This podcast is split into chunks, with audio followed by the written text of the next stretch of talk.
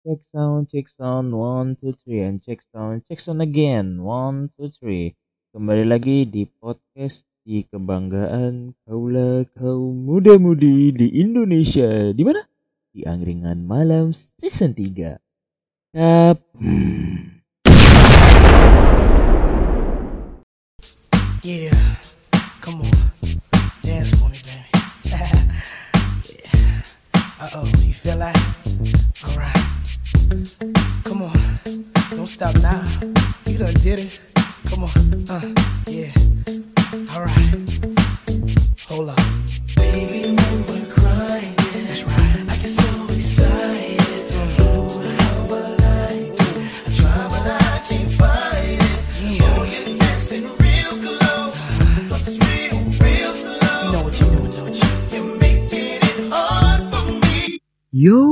what's up guys? Kembali lagi di the Freaking Only One the Freaking Fucking Only Di mana di Angkringan Malam Season 3 And today we're going discuss about Apa ya?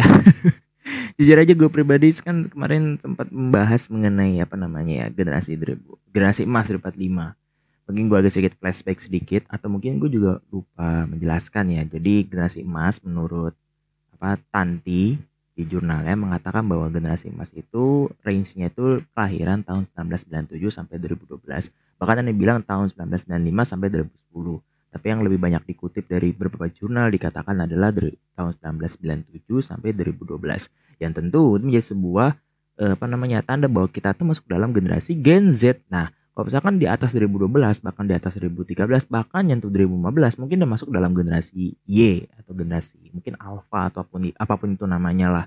Dan justru kita sebagai generasi yang dikatakan emas ya emas emas ya kita akan menuju ke sana. Nah oke kali ini kita eh, diskusinya agak sedikit apa namanya ya eh, just to be agak sedikit relevan relevan saja dulu. Karena gue akan mengait-ngaitkan keseluruhan seperti biasa like all time. But kita akan sedikit apa namanya eh mengecek kemarin. Gue ngecek sorry bukan ngecek sih gue pengen nge-spill sedikit di kehidupan gue selama gue kemarin gue ngapain aja sih sama tiga bulan itu. Mungkin seperti biasa kan gue kemarin di episode sebelumnya itu gue bilang gue eh, menikmati tahun baru dalam keadaan gue di kamar udah kayak perang gitu. Jedar jedar jedar udah kayak perang anjing sumpah. Berarti gue ngerasain bahwa ini kalau misalnya kayak gini aja agak goyang bangunan gue apalagi yang di Palestina yang di mana saudara-saudara kita yang harusnya apa namanya bisa tidur tenang. Tapi ya Allah ya Karim kita harus harusnya sebagai apa namanya saudara seagama yang tentunya kita sohibul sohibul jannah gitu ya kita bisa memberikan yang terbaik. Kalau misalkan lu pada nggak bisa nih guys lu bisa kirim secara doa. Misalkan lu nggak sorry maksudnya kalau misalkan lu bisa ngirim secara harta ya lu kirimlah contoh mungkin kayak donasi ataupun lu mungkin punya teman yang atau saudara yang di Palestina lu bisa transfer ataupun itu namanya yang intinya membantu gitu. Tapi ya sebelum kita mulai mari kita berdoa dulu begitu apa namanya teman-teman dan saudara-saudara kita yang di Palestina. Semoga yang di sana bisa diberikan namanya semangat eh, namanya keberanian. Habis itu juga insya Allah pasti diterima oleh Allah masuk surga. Amin. Karena ya dia kan para saudara-saudara kita yang Palestina itu adalah orang-orang yang jihad visabilillah seperti itu. Jadi mari kita mulai berdoa. Berdoa dimulai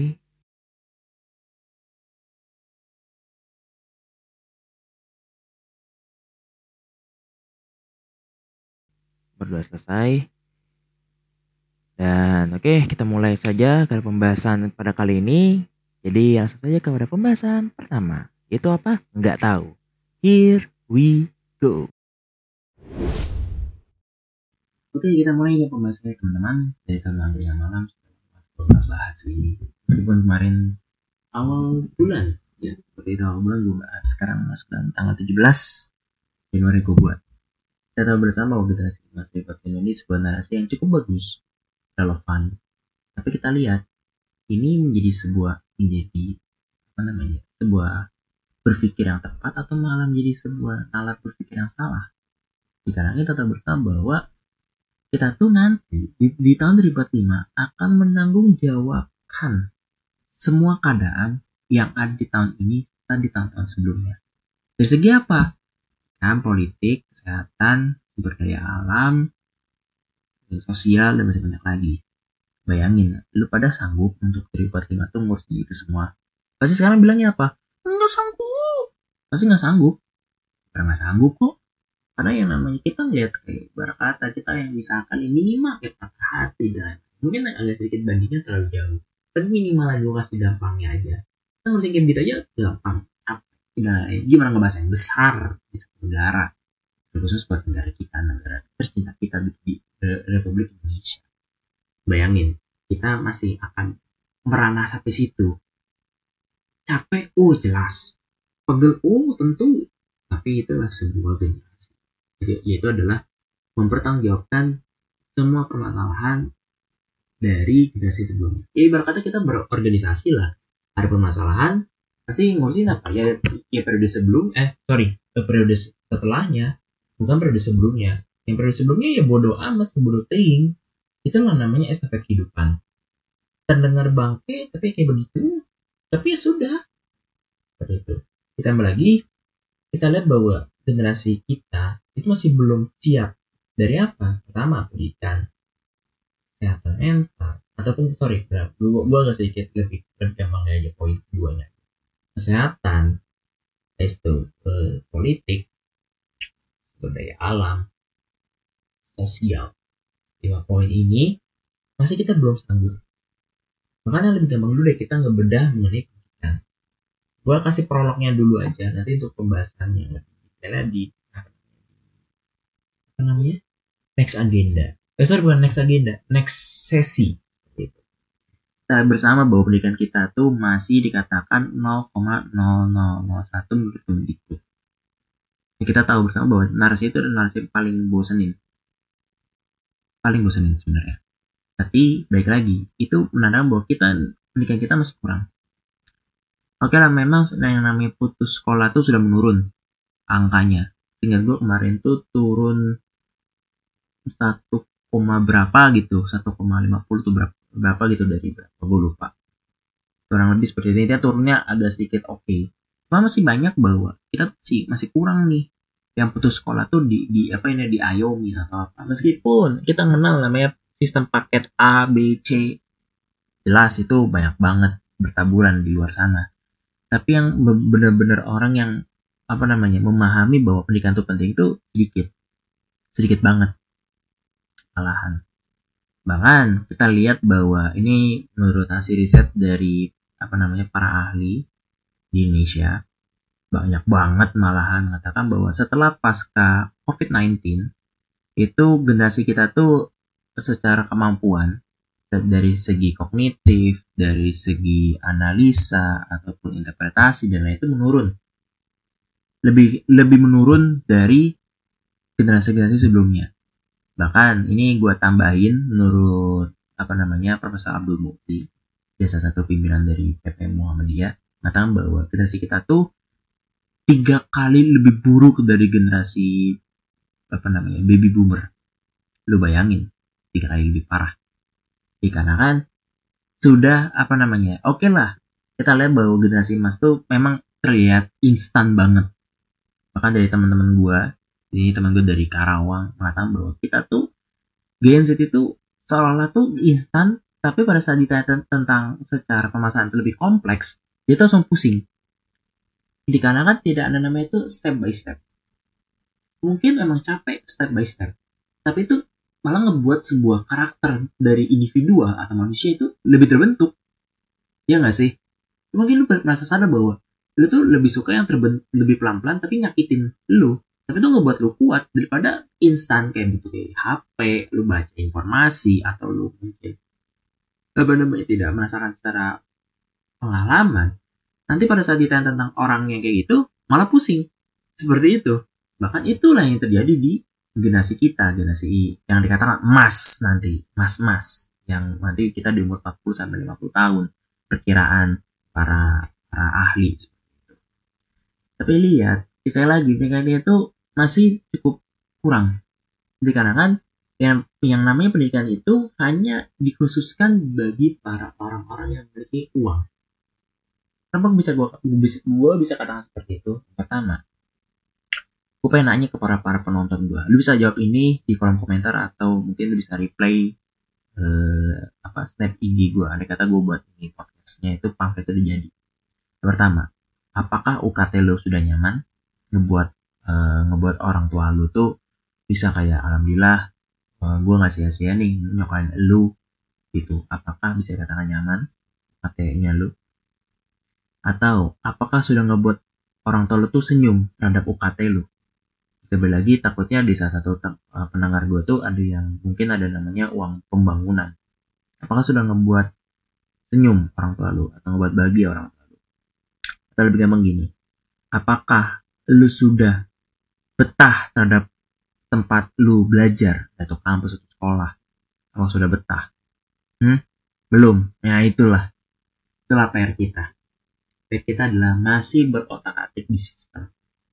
Mungkin terdengar bahwa Oke, Mas Fikri, kita kenal namanya kampus mereka. Memang kampus mereka tuh banyak banget apa namanya benefit ya dari namanya. Ya, misalkan yang kita bisa lihat adalah belajar, kita bisa mengerti kultur dari orang yang datang ke tempat kita ataupun dari tempat apa namanya orang lain ke tempat kita. Ya ini bertukar apa namanya eh, narasi atau ilmu gitu. Ataupun kita apa gitu bisa apa namanya eh, belajar ke luar negeri ataupun kita bisa belajar dari beda kampus dan masih banyak lagi seperti itu. Cuman baik lagi kelemahan dan demi kelemahan pasti ada. Karena yang namanya sistem pasti memiliki memiliki uh, memiliki kelemahan. Ini gue ngomongnya kelibet-kelibet nih, kurang ajar emang lidah gue. Ya itulah namanya sistem, pasti kelibet-kelibet. Kayak kita ngomong pasti ada kelibetnya. Tapi next, gue nggak mau ngebahas tentang lidahnya. Ya lagi kita pernikahan itu masih banyak kelemahan demi kelemahan. Kelemahannya di mana? Contoh, apakah kita bisa lebih paham terhadap konteks sekarang dikarenakan kita sekarang kebanyakan pasti yang namanya belajar konteksnya itu kampus itu masih banyak yang pakai Jimit atau Zoom apakah ngebuat lu nyaman apakah ngebuat lu paham dan apakah lu lebih semangat belajar? Tentu saja tidak. Tentu saja tidak. Dikarenakan ya pendidikan justru harusnya memiliki kesan dan pesan. Bukannya sekedar kayak ya udah secara formalitas.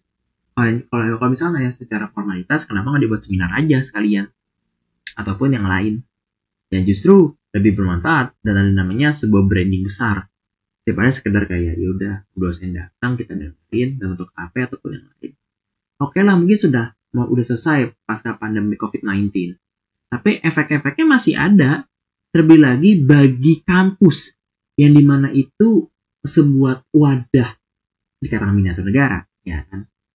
Itu menerima basic apa menerima mahasiswanya itu melebihi kapasitas yang seharusnya itu tidak bisa ditampung oleh kampus dikarenakan apa sekali lagi mengincar apa profit income profit atau income ataupun yang lain bayangin temen gue ini gue ambil studi kasusnya tuh di UIN temen gue daerah PAI dia itu sampai berebutan kelas dengan kelas lain dikarenakan minimnya sebuah tempat buat belajar.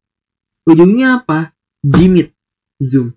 Emang baik, mudah, dan bisa menggampangkan kita untuk bisa mengeksplor semua materi. Tapi bayangin, konteks dari pendidikan apa sih yang seperti gue bilang tadi? Memiliki sebuah kesan dan pesan dan bermakna buat sebuah individu. Itu tambahan poin gue tadi. Harusnya kayak gitu. Tapi kita masih aja salah demi salah dan masih salah lagi. Yang terkadang kayak ya udah gue nyaman dalam pendidikan kayak gini, gue tetap fine. Tapi pada saat lu terjun ke, ke, ke, ke masyarakat, apakah ilmu lu yang sudah pelajarin di kelas itu bermanfaat? Saja tinggi. Butuh apa? Ya upgrade. Upgrade di mana? Masih bilang gini, ya organisasi lah. Betul, organisasi. Tapi sekarang kita lihat lagi, organisasi sekarang tuh sudah makin lama makin kolot. Bahkan ini ada salah satu gue lupa nama akun IG-nya ya apa namanya di narasi TV apa ya atau di mana gitu gue lupa kutipannya kayak gini organisasi kampus itu sudah makin makin kolot. Lebih lagi sudah tidak relevan terhadap sekarang dikarenakan sudah kalah saing terhadap ada namanya magang ataupun eh, apa namanya sejenisnya gitu. Ini merupakan sebuah tamparan keras buat organisasi harusnya seperti itu. Tapi jika kita lebih lihat sekarang harusnya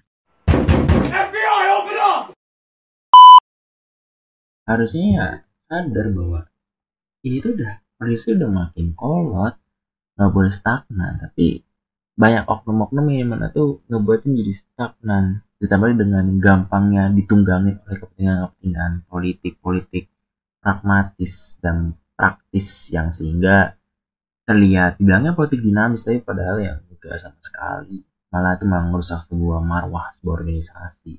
Oleh karena itulah kita sebagai generasi muda jangan sampai ya berkata sebagai tempat yang udah membuat kita berkembang justru dirusak oleh ada ada namanya kepentingan-kepentingan yang politik praktis yang justru hanya memikirkan hanya untuk memikirkan suaranya doang. Tapi untuk efek ya, efek jangka panjangnya entah itu kayak misalkan mikirin apakah para calon-calon politisi ini yang eh sorry lebih tepatnya calon legislatif ini akan memikirkan pendidikan kita secara lebih mikro dan makronya serta mikirin outputnya dan masih banyak lagi akan dipikirkan justru akan mungkin hanya memikirkan hanya just like V V V V just like, like oh, want to be need income dan lain-lain gitu. Jadi ya lain seperti itu. Jadi ya belajarlah di tempat yang sesungguhnya gitu.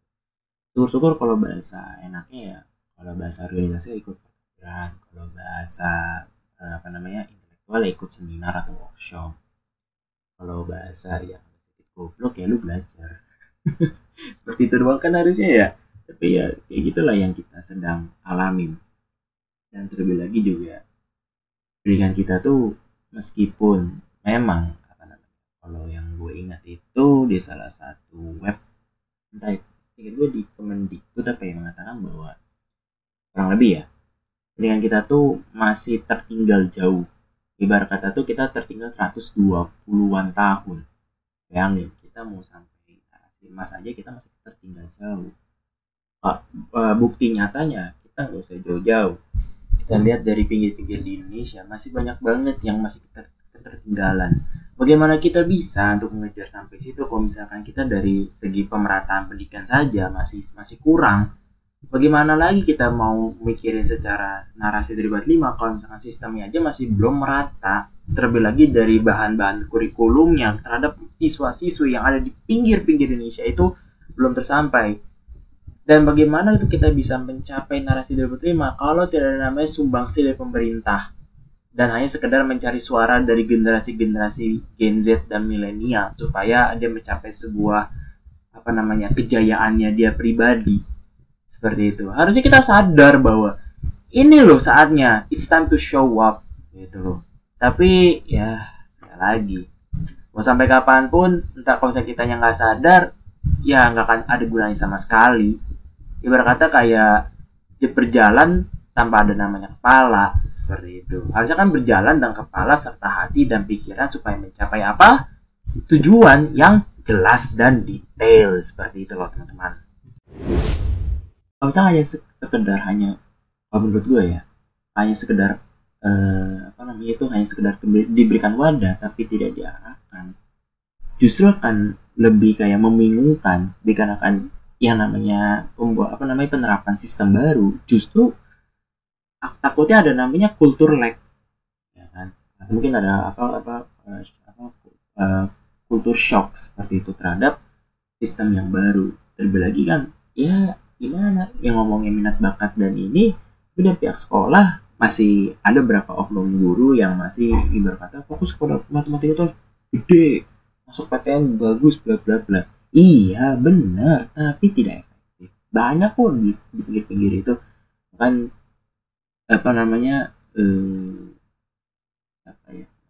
Oh iya adik gue sebelum gue masuk dalam kuliah dia merasakan tekanan demi tekanan yang diterima oleh dia. Yang justru katanya bakat dan minat malah bakat minatnya hanya sekedar omong kosong belaka. Tapi tidak diarahkan seperti apa ya lebih tepatnya tidak diarahkan seperti itu ya semoga aja ada namanya pembaruan demi pembaruan. Ya ya namanya juga masyarakat gitu. Tentu akan berharap lebih baik daripada yang kemarin.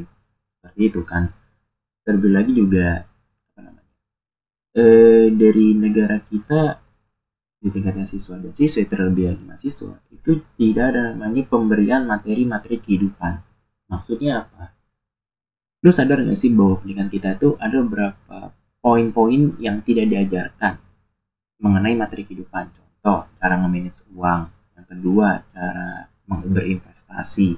Yang ketiga cara bisa apa namanya tuh mengerti andai kata mau masuk ruangan pekerjaan atau apa itu kayak gimana.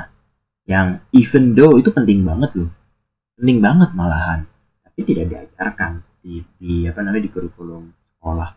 Di di Jepang anak SD itu diajarkan waktu kecil adalah untuk beres-beres dulu kalau di kita langsung aja materi materi materi jadinya apa bebeh otaknya yang harusnya anak-anak di umur yang masih segitu masih banyak untuk bermain, berpetualang, serta mencari apa namanya kesukaan apa yang dia suka pada saat dia masih umur umur segitu.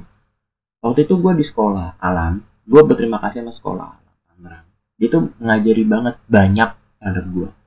Gue bener diarahkan bagaimana cara bisa apa namanya belajar sembari bermain. Habis itu juga secara apa namanya ya eh, kurikulumnya itu tidak menekankan banget kepada siswanya. Paling ya beberapa oknum guru lah yang gue ingat.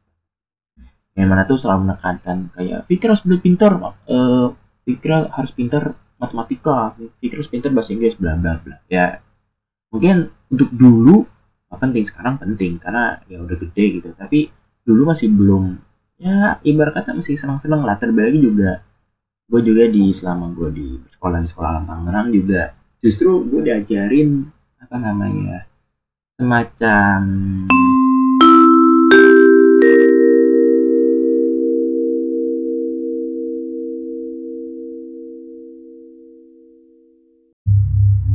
diajarin dari bisnis. Contohnya ada salah satu kegiatan singkat gue waktu gue SD adalah uh, bisnis siswa-siswi jualan dan masih banyak lagi. Itu menjadi sebuah impactful banget dan positif bagi para siswa-siswinya supaya kayak oh ternyata jualan itu tuh mudah ya. Ditanamkan ada namanya jiwa bisnis. Supaya pada saat itu udah gampang seperti itu.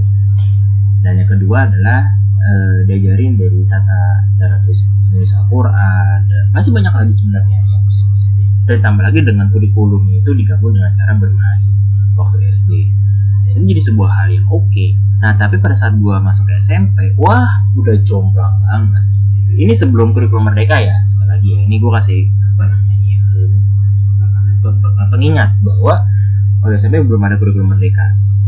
Habis itu ya kolot lah gitu loh apa apa harus kayak uh, uh, uh, gitu. Maksudnya uh, gitu. Dia harus kayak patuh tunduk dan harus ya ibaratnya jalanin semua kegiatan yang dibuat oleh kurikulum dari sekolah itu. Lagi tapi alhamdulillahnya dari apa namanya lingkungan teman-teman gue itu waktu gue zaman SMP masih oke oke lah. Masih kayak high masih vibes masih oke. Okay. minimal madol apa tuh madol? Bolos. Apa tuh bolos? Ya kabur.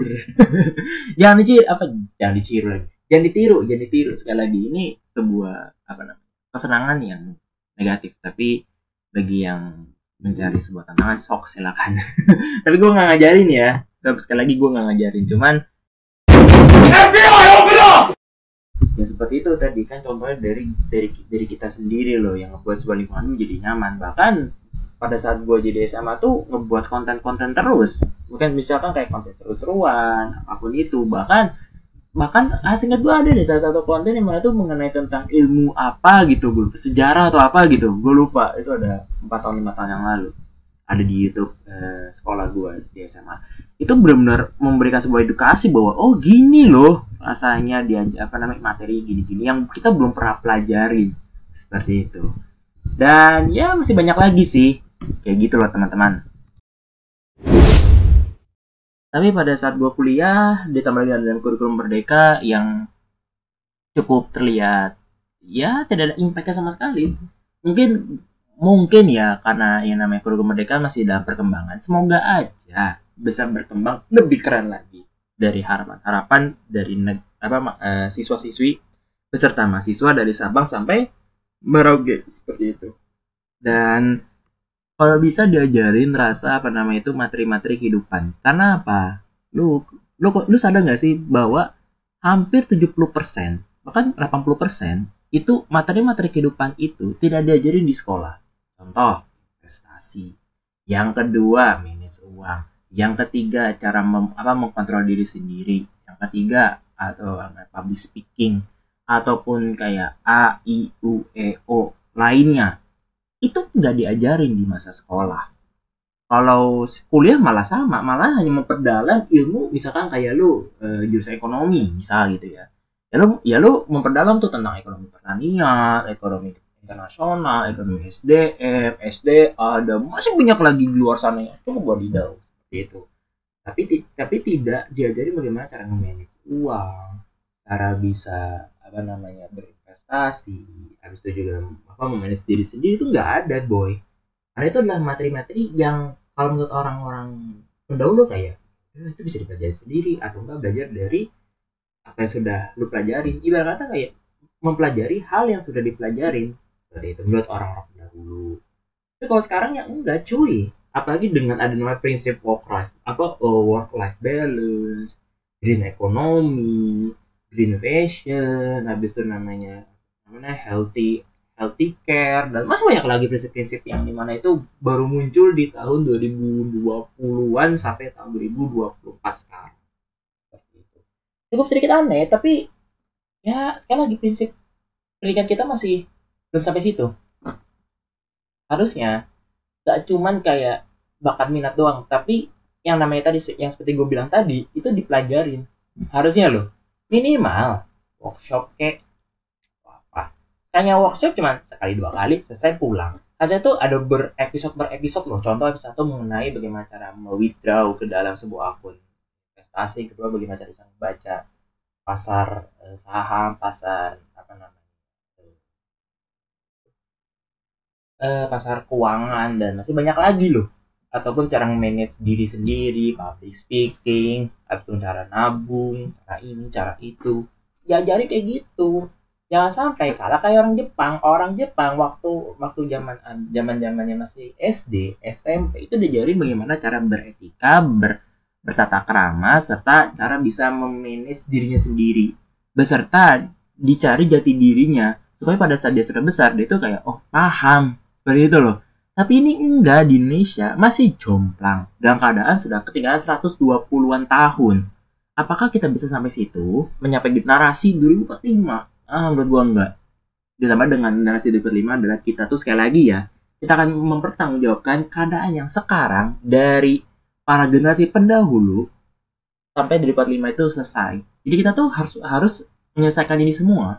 Apakah bisa? Sulit dalam keadaan masih ditunggangi dengan ada namanya kepentingan-kepentingan politik praktis ya sama aja bodong nggak ada gunanya terlebih lagi dengan ekonomi kita yang alhamdulillah makin makin baik makin naik terlebih lagi dari laporan-laporan dari Bank Indonesia mengenai apa namanya pendapatan kita cukup naik tapi yang namanya pendapatan per kapita kita masih kurang belum sampai angka kalau bisa dikatakan sebagai negara maju adalah 13 ribu Bayangin kita masih di angka 3000.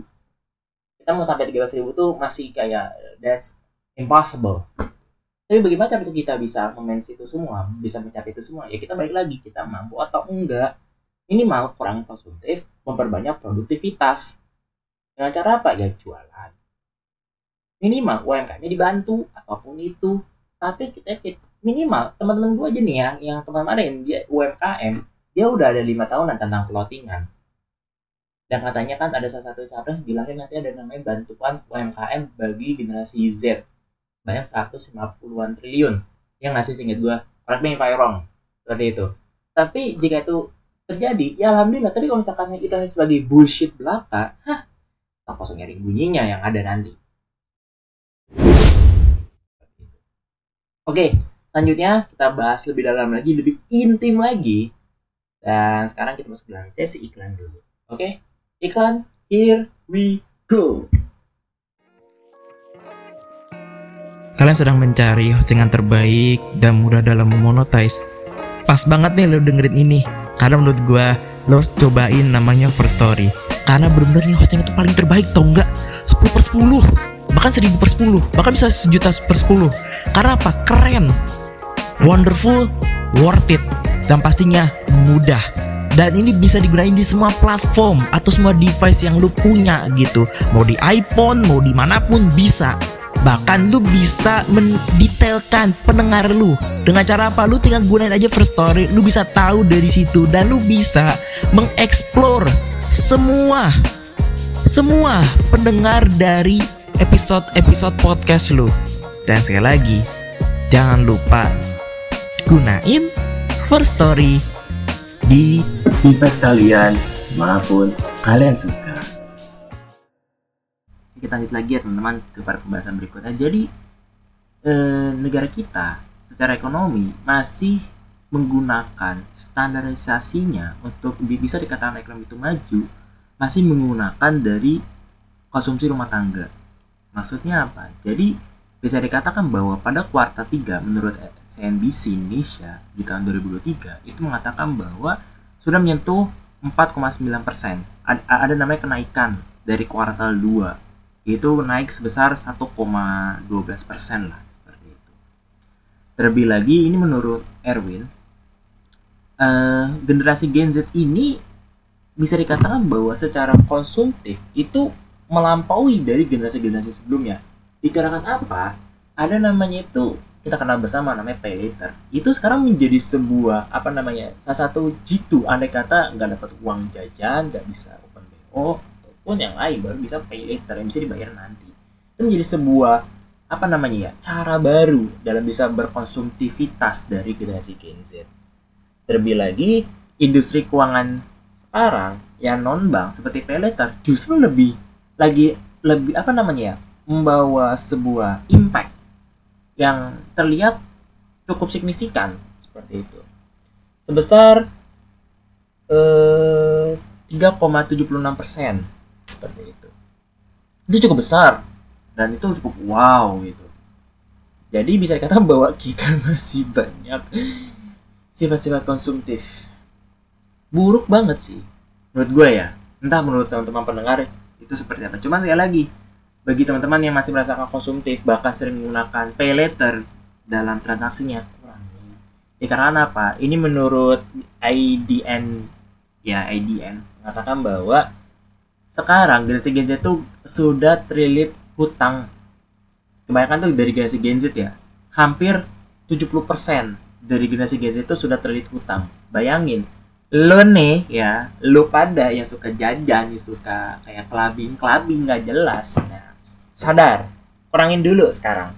Ya karena dikarenakan ya lu lagi ambiar atau enggak lu mau. Pas udah tua lu malah capek-capekan bayarin apa namanya utang-utang lu kan enggak kan? Seperti itu. Tambah lagi dengan ada namanya sekali lagi ya karena Indonesia itu adalah ber, berke, e, berketergantungan dengan namanya industri perumahan harusnya generasi kita tuh sadar bahwa oh ternyata kita bisa membantu. Contoh nih mungkin rumah tetangga lu itu e, punya bisnis telur asin atau batik ya lu bantu jualin kayak minimal kayak upload apa namanya bantu promosikan ataupun bisa menggunakan salah satu platform-platform yang ada sekarang bisa kayak TikTok Live, Shopee Live, Instagram Live. Jadi lu bisa jualan di situ dan justru itu bisa melatih public speaking lu, apa namanya cara menego lu, cara apa namanya e, memasarkan barang-barang lu secara beretika yang cukup oke, okay. ya kan? Nah, selanjutnya ini kita bahas dari apa namanya dari segi teknologi ya. Jadi ini cukup ngebuat gua sadar bahwa generasi kita itu adalah generasi yang cepat melek terhadap teknologi. Terlebih kita kan sudah masuk dalam generasi kedua. Karena kan generasi sebelumnya kan pasca eh, apa namanya ya eh, generasi gue lupa nama sebelum generasi Gen Z itu apa. Coba bagi teman-teman pendengar yang bagi yang tahu tolong diingetin gue di salah satu komentar atau apa gitu ya. Gue dikoreksi kembali. Jadi begini, uh, ini ada kutipan dari Bapak Erick Thohir. Waktu itu dia ngisi di disnatalisnya apa namanya uh, ke 62 Fakultas Psikologi di UI. Dia itu mengatakan seperti ini. Gen Z serta teknologi informasi dan digital adalah potensi Indonesia untuk mengembangkan ekonomi digital. Maka dari itu, prinsip akhlak yang diterapkan, saya rasa telah sesuai dengan apa yang diterapkan bersama-sama dalam pilar-pilar literasi digital pada nilai-nilai amanah, kompeten, harmonis, loyal, adiktif, dan kolaboratif. Nah, inilah yang saya titipkan kepada generasi Gen Z untuk dapat diteruskan dan juga diperkuat diberikan inovasi sebagai fondasi-fondasi budaya dan etika digital. Sekaligus memperkuat untuk berpikir kreatif, bersikap kritis, serta mampu menyelesaikan masalah-masalah terutama dalam aktivitas dengan penggunaan akses teknologi dan juga digitalisasi yang akan terus semakin canggih lagi. Ujarnya Bapak Erick Thohir pada acara Disnatalis ke-62 Fakultas Psikologi. Dia bisa katakan bahwa inilah yang harusnya kita sadar bahwa hey kita generasi Gen Z nih it's time to show up it's time to giving something giving good apa good service, good material, and many things gitu loh. Harusnya kita sadar itu loh. Tapi kita masih kayak ya udah this is cegil, cogil. Yo clubbing dulu guys, ayo kita pay later dulu guys. Sehingga jadi kita lupa bahwa hey ini saatnya. Katanya mau mau jadi katakan generasi emas, tapi masih aja begini. Shit, gitu kata gue. Makanya itu kayak kayak Mas Ferry Irwan di apa namanya jo Jovia apa Jovial Brother dan masih banyak lagi ataupun kayak eh, Jerome Poli itu ngebuat beasiswa supaya kita tuh sadar bahwa ini pendidikan, ini ekonomi, ini sosial. Ayo kita gabungkan sebuah satu supaya Indonesia ini bisa menjadi sebuah hal yang baik. Kalau menurut Bapak Zulkifli Firmansyah bahwa kita butuhin nama itu produktivitas dalam konteks bisa bisa benar secara rule of law, materi teknologi, beserta bisa memeratakan semua materi-materi dari agama, sosial, teknologi, ekonomi, SDA, SDM ke seluruh Indonesia supaya bisa nyampe apa namanya? Ya betul, kemakmuran dan keadilan. Harusnya di situlah kita mengisi poin-poin pentingnya. Kalau misalnya pusing, ya udah pelan-pelan dulu. Minimal di tingkat gerakan mikro dulu. Contoh, lu bisa jualan. Lu bisa berbagi suatu bahkan kemarin gue sempat dapat apa namanya cerita dari pacar gue jadi dia tuh ceritakan mengenai ada salah satu pendiri dari koloni. Koloni itu adalah sebuah kafe di Pokerto dia itu baru. Ya gue hanya menjelaskan singkatnya aja. Jadi dia tuh menjelaskan bahwa dia itu uh, dia tuh alumni dari FEB-nya Unsud dia tuh dapat bisnis eh lebih tepatnya modal bisnis itu sebesar 20 juta. Dikarenakan dia itu ngebuat sebuah bisnis. Bisa dibayangkan bahwa itu bantuan terbaik dari sebuah kampus. Harusnya pemerintah tuh harusnya lebih oke okay daripada kampus. Harusnya tidak hanya sekedar embel-embel bahwa nanti dikasih 100 100 apa 100 triliun, 100 miliar bla bla bla tapi pada saat dimintain, "Pak, mana duitnya?" nggak dikasih. Dia ngapain? Ngapain? Bullshit lah menurut gue kalau misalnya kata seperti itu. Dan terlebih lagi dia juga apa namanya dia mengembangkan usaha-usaha contoh kayak di sini tuh kalau di Pokerta tuh namanya itu apa namanya eh, Indo Kampus jadi ternyata pemilik dari koloni gue lupa nama ini siapa namanya itu? Dirinya uh, bagian tahu bagian teman-teman gue yang mendengar ini episode tolong ingetin gue nama apa, apa pemiliknya. Jadi dia tuh memiliki banyak cabang sama Indo kampus dan ternyata titik-titiknya itu kurang lebih ada 6 kurang lebih 6 correct me if wrong seperti itu. 6 6 titik 6 Indo kampus bayangin berarti omset omset lagi bener. Income-nya itu seberapa, labanya gede seberapa. Itu contoh yang luar biasa. Bahkan ada temen gue, dia itu jualan eh, apa namanya ya, dia itu punya clothingan. Dia itu memiliki income-nya gede banget. Ini gue nggak bisa nge-spill karena takutnya nanti ditagih sama ini apa eh, pajak lagi. Tapi dia tuh minimal bisa ngejual per bulannya itu baju tuh sampai 30 sampai 40 item. Bayangin. Cuy, baju loh. Bayangin misalkan baju itu gua kasih patok paling biasanya 100 ribu. Misalkan seperti itu ya. Bayangin kalau misalnya ada 40 itu udah keren loh. Banyak gitu. Dan terlebih lagi itu bisa di apa namanya bisa di custom. Maksudnya itu kayak ibarat kita tuh bisa bisa nambahin lagi loh misalkan kayak ini ya ini ada desain dari diserahkan oleh pihak clothingan nah lu bisa ngepres sendiri atau enggak lu bisa belajar dan lain itu jadi sebuah apa namanya sebuah e, cara baru dalam mengajari seorang dalam guna praktek e, pekerjaan gitu ya adalah dikasih kesempatan buat bisa ngepres baju dan lain harusnya seperti itulah pemerintah supaya bisa sadar hey inilah kita inilah kita ayo katanya mau ngebuat negara apa negara kita maju menjadi sebuah hal yang cukup luar biasa. Tapi kita sekali lagi masih fokus kepada yang ecek-ecek ujung-ujungnya apa? Masih fokus kepada perpecahan masih fokus kepada perbedaan agama perbedaan mazhab bla bla bla. Tapi kita nggak fokus kepada keadilan kemakmuran dan kema apa namanya kemasyaru apa namanya? Makmur lah seperti itu. Karena begitu ya. Masih seperti itulah kita. Tapi sekali lagi masih dan masih masih masih masih kurang lagi. Ya semoga aja ini menjadi sebuah muasabah kembali ya buat teman-teman. Dan apakah kalau teman-teman bertanya bang apakah ini menjadi sebuah episode terakhir? Enggak. Harusnya ini akan menjadi sebuah episode sangat panjang. Gue kan gue udah pernah bilang episode ini tuh menjadi sebuah episode sangat panjang. Mungkin sampai penutupan season 3 mungkin. Uh, sekaligus juga penutupan apa namanya uh, sesi dalam narasi 2045 ini. Seperti itu. Dan mungkin segitu aja dari gua. Sekali lagi jadilah generasi yang baik. Minimal lu bisa bermanfaat buat orang lain lah. Maksimal lu bisa memberikan sebuah uh, apa namanya warisan yang terbaik. Minimal lu bisa memberikan sebuah sistem yang baik. Supaya pada saat lu udah nggak ada ataupun lu, lu sudah logot dari dunia lu tuh bisa dapat pahala jariahnya. Salah satunya dari temen gue almarhum Upi. Dia tuh anaknya MM dari fakultas etika jurusan tadris bahasa Arab. Itu ngebuat sebuah sistem namanya itu uh, apa namanya itu uh, fundraise apa namanya?